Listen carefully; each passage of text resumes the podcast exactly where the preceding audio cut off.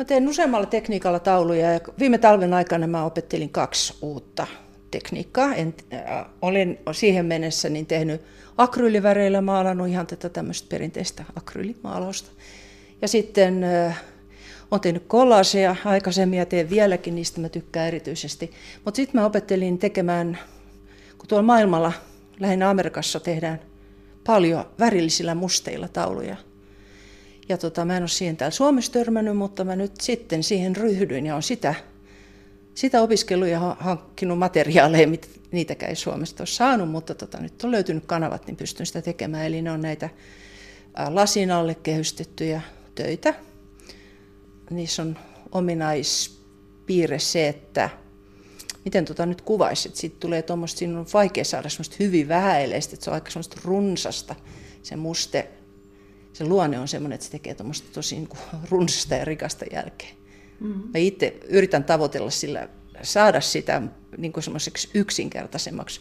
Joo, mä näytänkin tästä, mutta se on, se on vähän hankala. Tässä on tämmöinen niin kuin vähäileinen työ, mutta nyt nämä runsaatkin on kyllä ihmiset on kovasti tykännyt tänä kesänä. Mä oon nyt täällä niitä esille pitänyt niin ensimmäisen kerran ja jännitti vähän, että mitä ihmiset sanoo niistä, mutta onneksi ovat tykänneet. Mm.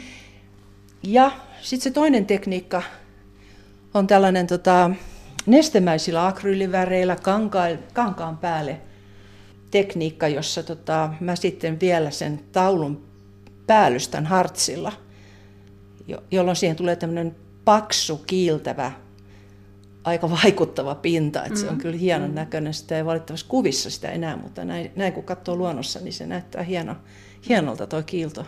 Ja siitä on myös tykätty, että tota, ne on kiinnittänyt paljon huomiota just sen takia, kun ei tuommoisia ole nähty aikaisemmin. Mm. Ja sitten näitä kollaaseja, mitä on täällä.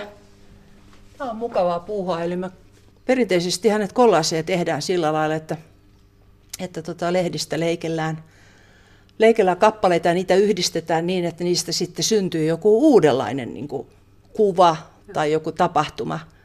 No mä käytän kanssa näitä lehtiä, vanhoja kirjoja hyväkseni ja liimaan niitä, maalaan niiden päälle, mutta sitten mä maalaan niihin myös niin kuin paljon, ihan pensselillä tai milloin milläkin. Ja sitten mä käytän tämmöistä lehtikultaa. Niin kuin tässä on tämmöinen kultainen oksaton nimi on. No millaisia odotuksia sulla on tässä nyt niin Konstrundanilla? että tulisi paljon ihmisiä käymään.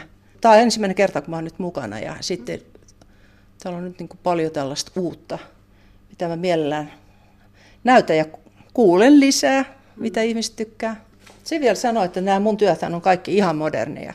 Ja nämä ei oikeastaan esitä yhtään mitään. Että jokainen voi sitten ihan omassa päässään miettiä, mitä siinä kuvassa näkee. Ja se onkin mielenkiintoista, koska jos, jos mulla on jostain työstä vaikka vaikka ajatus, mulle tulee Egypti mieleen esimerkiksi tuolla yhdessä tuommoisessa missä on kultaa, mm. niin mä oon aina ajatellut, että se on joku ihme, egyptiläinen, mitä mä oon ihmetellyt, että mitä, mitä mä nyt semmoista, että joku taas sanoo mulle, että ei se mikä, se on ihan pop-taidetta. Mä ahaa, no hyvä.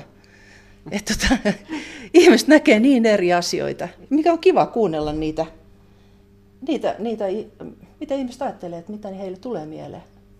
Välillä joutuu oikein pitemmän aikaa tutkii, kun asiakas sanoo tai katsoo, että tuossa on, et sä nyt näe sitä pariskuntaa tuossa. Mä sanon, että vaikka mulla on hyvä mielikuva, vaikka mä kuin katon, niin mä en nyt sitä pariskuntaa tässä näe, mutta ei se mitään. Ehkä taiteilija ei aina itse tiedä, mitä hän ei, luo. Joo, joo. Ei, ei aina tiedä, mitä on tullut tehty. Ja muutenkin, kun mä teen näitä töitä, niin mulla ei ole hajukaan, mitä se lopputulos on. Että mulla on ehkä joku ajatus siitä, että mitä mä niin kuin vähän tekemässä, että mihin suuntaan.